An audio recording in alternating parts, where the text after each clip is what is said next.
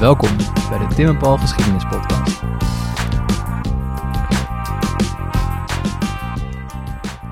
Zijn we live?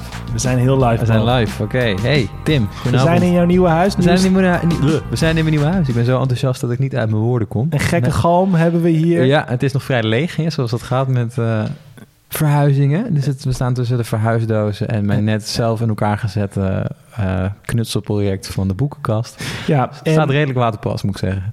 de vaste luisteraars hebben misschien onze laatste eh, non-reguliere aflevering gehoord Ja, over een zeker televisieprogramma. ja, En dat smaakte eigenlijk naar meer voor onszelf vooral.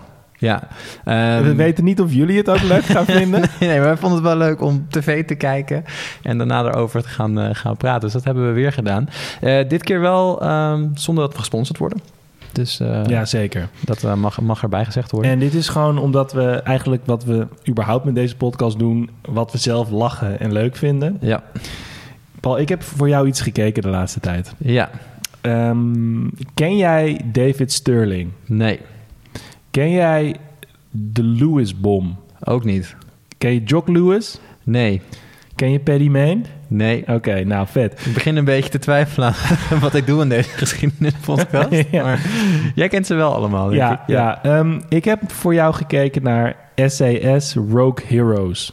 Klinkt heel cool. Ja, het is ook wel één... De De, SAS, de SAS. Scandinavian Airlines. nee, de Special Air Service. Niet te verwarren met de Special Boat Service. De SBS. De SBS, Niet zeker. verwarren met SBS 6. Ik wil, je, ik wil het gewoon met je hebben eigenlijk over ehm, de Special Air Service... en met name het, het tv-programma SS, SAS Rogue Heroes. Oké. Ehm, want het is misschien wel een van de allervetste series die ik in tijden heb gezien. Het is echt... Ik heb nog nooit zoiets meegemaakt toen ik Oké. aan het kijken was. Maar is dat omdat jij eh, nooit tv kijkt? of omdat het gewoon heel veel vet is? Nou ja, het is denk ik een combinatie van beide. Oké. Dan moet ik nog even één andere vraag eh, aan jou stellen. Ken jij Steven Knight? Nee. Een soort ja, serie-regisseur, maker. Ken jij eh, Thomas Shelby? Heb ik wel eens van gehoord. Dat is, is dat die guy van Piggy Blinders? Zeker. Ja. Dus ehm, voor jouw begrip, deze serie is ook gemaakt door de maker van Peaky Blinders. Ah, oké. Ja, dus, Dus dat je zal het wel. Ik heb het nooit gezien, maar het schijnt goed te zijn. hè? Nou, misschien dat ze de volgende keer kunnen bespreken dan Ja. Paul, dat jij dat gekeken Vijf hebt. seizoenen gaan bingen, maar Ja. dat, ja. Nee, maar dat was al een van de vetste series die ik heb gekeken. Ja. En toen kwam SAS Rogue Heroes. En dan vraag jij aan mij natuurlijk waarom het zo vet is. Waarom is het zo vet? Nou, eh, Paul, het is gebaseerd op gewoon een boek. niet. Het is, zeg maar, ik heb het hier voor me liggen. Ja? Lees jij de titel van het boek anders even voor? SCS, Rogue Heroes. Kijk, en now we're talking. Ja. Die serie gaat erover, over de ontstaansmythe, zou je het bijna kunnen noemen, van de SAS. En de SAS was een nieuwe eenheid in de Tweede Wereldoorlog in, in Noord-Afrika eigenlijk. En ik durf wel te zeggen dat zij een van de eerste echte special forces van een modern eh, leger waren. En daar gaat die serie over. Dus je moet je voorstellen dat er guys in jeeps door woestijnen rijden terwijl ACDC muziek aanstaat. Mm, ja. Het is gewoon een soort combinatie van badass Ja. Ehm, en het, ze nemen je eigenlijk helemaal mee naar het begin. En ik noemde die naam al even. David Sterling is daar echt de essentiële persoon in. Je moet je voorstellen, een soort van... Eigenlijk alles wat je bij een jonge Schotse edelman voorstelt. Ja. Gewoon omhooggevallen, eh, ontzettend eigenwijs, arrogant. eh, wist het eigenlijk allemaal beter. beter, ja. Ehm, misschien her- herken je iets in de aflevering over de slag om Arnhem. over, Er zit ook een gekke schot in. en, ja, en, en Jack Grayburn, waar we het over hebben gehad. Ja. Over mensen die zich in de Tweede Wereldoorlog dood vervelen omdat ze niks kunnen doen. Want wat was er met die David Sterling gebeurd?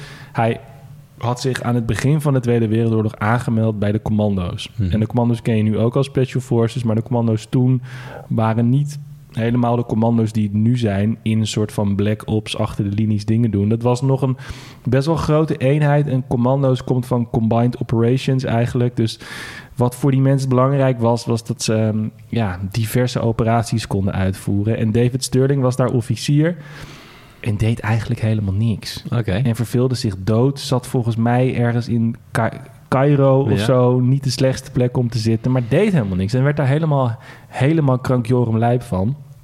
En is toen eigenlijk... Ik noemde een aantal eigenschappen, eigenwijsheid, beter weten eh, en eigenlijk je ook niks van conventies aantrekken. En dat bleek een hele goede cocktail te zijn om binnen zeg maar het Britse leger eh, ja toch een soort van nieuwe eenheid te gaan bedenken. En Mhm. Hij is er dus eigenlijk mee begonnen en dat zit dus ook bijna e- één op één in die serie. Dat hij gewoon maar dacht van ja, als we nou ons gewoon als parachutisten laten droppen in de woestijn en dan gewoon een actie doen. En dan zien we wel hoe het gaat. Ja, en dat proberen ze dus. Dus ehm, een van de eerste scènes in die serie, zonder te veel te spoileren... dan zie je hem dus met een, een vriend van hem, Jock Lewis... die dus bij die allereerste kern zat van dat nieuwe, die nieuwe eenheid... hebben ze zich uit een vliegtuig laten eh, droppen in de woestijn. Bij Jock Lewis gaat het goed. David Sterling eh, ja, breekt letterlijk gewoon een aantal botten. Zijn Mm. parachute blijft aan de vleugel hangen, scheurt open. Die guy is gewoon bijna dood. Ja. Maar terwijl hij in het ziekenhuis ligt, Denk je, dit was echt een goed idee, dat moeten we nog een keer doen? ja, dan heeft hij dus een ander idee. En denkt hij van, nou, wat nou? ja, dus stel je voor, je hebt gewoon allemaal botten gebroken, Ja. interne bloedingen, je kan niet lopen. Gaat even niet zo lekker. Nee, wat nou op dat moment als we ons dit, dit nog een keer doen, maar dan gewoon achter de linies die lange aanvoerlijnen van rommel in Noord-Afrika gewoon gaan getten. Ja, En dat gaat hij dan maar doen. oké. En eh, wat nog misschien de allervetste scène in die serie is, die ga ik toch een beetje spoilen, omdat je het ook gewoon op Wikipedia kunt lezen of in het boek. Over het boek, hè? SCS Ehm, Rogue Heroes. ja. Ehm, wat, zeg maar, je moet je voorstellen, ehm, hij komt uit het ziekenhuis en hij heeft dit plan. We moeten een soort van raiding force, noemen ze het dan, gaan oprichten om achter de linies dingen te gaan doen. Eh, om zeg maar brandstofdepots kapot te maken, vliegtuigen, eh, eh, hoe zeg je dat, lucht, luchthavens aan te vallen. Ehm, maar daar heeft hij wel toestemming voor nodig. Mhm. Maar dat heeft hij niet. Dus wat hij dan doet, hij gaat op krukken, gaat hij naar zeg maar het algehele hoofdkwartier van alle Britse troepen in, Noord-Afrika. ja. Dus zit je bij Montgomery, zeg maar. ja, dat, dat is later. Ja. Montgomery komt, komt pas later en dat is op dat moment generaal Auchinleck. Nooit van gehoord. Nee, het was ook niet heel succesvol tegen Rommel. Ehm, en Maakte hij er een rommeltje van. ja, lekker van. Sorry. ja. En wat zeg maar, General, eh, ja, dus hij komt daar dat, dat, bij dat ding aan en die mensen daar die zien gewoon een, een guy op krukken aankomen die zegt dat hij met de generaal gaat praten. Dus die sentries die denken ook van, nee joh, mazzel, ga Ja, jij gaan we niet doen, Ga nee. even weg. David Sterling zou David Sterling niet zijn als hij dan gewoon naar binnen sneakt. Oké. Dus hij rommelt zichzelf achter een truck langs of zo, of door een open, dat zit in die serie iets anders, door een open hek naar binnen. Op krukken nog steeds? Nee, die heeft Oh, hij weggezet. Ja. En daarom slaan die wachters op een gegeven moment alarm. Omdat ze die, Die zien van Ah, die ja, guy. ja, die de- en, dat, en iedere keer, en dat is zo vet aan die serie. Iedere keer denk je als je die serie kijkt... dit is echt, dit is gewoon bullshit. Dit kan helemaal niet. En als je dat boek dan leest... Oh, het is wel is gebeurd. gewoon allemaal waar. En dat is zo fucking verbijsterend eraan. Dus David Sterling bluft zichzelf daar naar binnen... eh, komt in een soort van kamer van de adjudant van die oppergeneraal. En zegt letterlijk tegen de adjudant... Ja, hoi, ik ben eh, Sterling. En ehm, ja, Arjun die kent mij wel. Nou, het is dus ook gewoon waar. Want Arch, eh, Arjun is op het familie soort van paradijsje eh, landhuis geweest van familie Sterling Ah, in ons- Schotland. Ons soort mensen. Ontzettend ja. ons kent ons. ja. En vervolgens eh, komt Arjun binnen en die, die heeft niks tegen Rommel. Die heeft, Nee. die heeft, en ondertussen, en dat is wel belangrijk, is er een Engelse inlichtingenofficier die op dat moment een soort van ghost regiment aan het maken is. De Special Air Service. En daar komt dat linkje in. En het idee van, die, van dat ghost regiment is gewoon een soort van fijn dat er een heel groot Engels eh parachutistenleger is, wat ieder moment in- ingezet kan worden. Ja. Dus hij laat ook mensen in uniformen oppakken die daarbij zouden moeten horen, een soort van spionnen, tegenspionnen. Vet Ja, en dat is ook gewoon, dan gaan ze van die kartonnen of houten dingen maken en zo, toch? En, Ja. eh, ja. Alles wordt zeg maar uit, uit de kast getrokken om maar te kunnen feinzen dat daar een gek groot, groot leger aan Ja. het wachten is op een operatie. En dat weet Arjilek. En dan komt er een soort guy binnen Ja. die zegt: geef mij 50 mensen, geen spullen verder en eh, we gaan gewoon knallen. ja. En hij kent hem. Dus dan is de keuze snel gemaakt. Voor hem als oppergeneraal is dus die, die inzet eigenlijk ook helemaal nihil. 50 Nee, mensen. als je die, even flauw gezegd, maar als die 50 mensen kwijtraakt, ja, dat is vervelend. Moet je een briefje sturen. verliest hij de oorlog niet. Nee. En, de, en de Sterling krijgt dan op dat moment een soort van vrijbrief om dit te gaan, of niet helemaal een vrijbrief. Hij krijgt ongeveer 50 mensen in het begin, helemaal geen voorraden. Ze trekken zich terug in de woestijn, hebben eigenlijk geen idee wat ze gaan doen. Eh, en dan is het ook weer zo ongelooflijk typisch. Dat zie je in die serie dan gebeuren. En dan denk je, ja, dit is ook weer BS. Dit kan helemaal niet. Ze hebben niks. Dus wat ze doen, ze gaan er gewoon een, kamp een kampement van Nieuw-Zeelanders in. Hijsen daar de Engelse vlag. En terwijl die guys aan het slapen zijn of uit zijn op patrouille... nemen ze dat hele kamp mee en hebben ze voorraden. En gaan ze vanaf daar gewoon... En die Nieuw-Zeelanders, die zijn allemaal, eh ja, die hebben dan... allemaal hartstikke dood. Ja, maar, ja, maar meer gewoon wapens en Ja, ja. jeeps. En nemen ze gewoon allemaal mee. En wat er dus ook weer zo typerend is met David Sterling... is dat die eerste operatie die ze doen... is een falikante mislukking. En dat zit ook heel goed in die serie. Ze laten zich dan droppen in de woestijn. En ze zijn dan van plan om eigenlijk te gaan lopen... eh, te voet door de woestijn. Super dom idee Ja. als je het ook zo hoort. Maar daar zijn ze in getraind. Want die Jock Lewis, die ik eerder noemde, zat er ook bij. En die heeft echt een soort van hele sikke training bedacht. Dat je dus dat je door de woestijn heen kan... eh, en dat je de ja. hele dag... En ook zelfdiscipline. Dat je de hele dag moet lopen door de woestijn... en dan pas s'avonds twee slokken water. Absoluut een minimum om te kunnen overleven. En wat ze dan van plan zijn... is om zich te laten droppen per parachute in die woestijn... en dan een aantal vliegvelden aan te vallen. Maar het gaat helemaal mis. Gekke storm. De meeste mensen raken kwijt. Maar die operatie mislukt valikant. Je zou denken, dit is echt Einde verhaal, toch? Onzin. ja. Maar dan, wat er al besproken was, dat de Long Range Desert Group ze zou ophalen. En de Long Range Desert Group is ook een van mijn favorieten uit de Tweede Wereldoorlog. Dat waren een stel avonturiers die van vrij vroeg in de oorlog eigenlijk gewoon een soort van woestijnverkenning deden. Hadden niet echt een gevechtstaak, eh, maar hadden hele aangepaste jeeps. Die waren vaak roze, want je zou denken roze valt op, maar dat valt in de woestijn dus juist niet op. Wist ik ook niet. Maar met die roze jeeps navigeerden zij gewoon door de woestijn heen, wisten precies waar ze waren. En zij zouden die guys oppikken.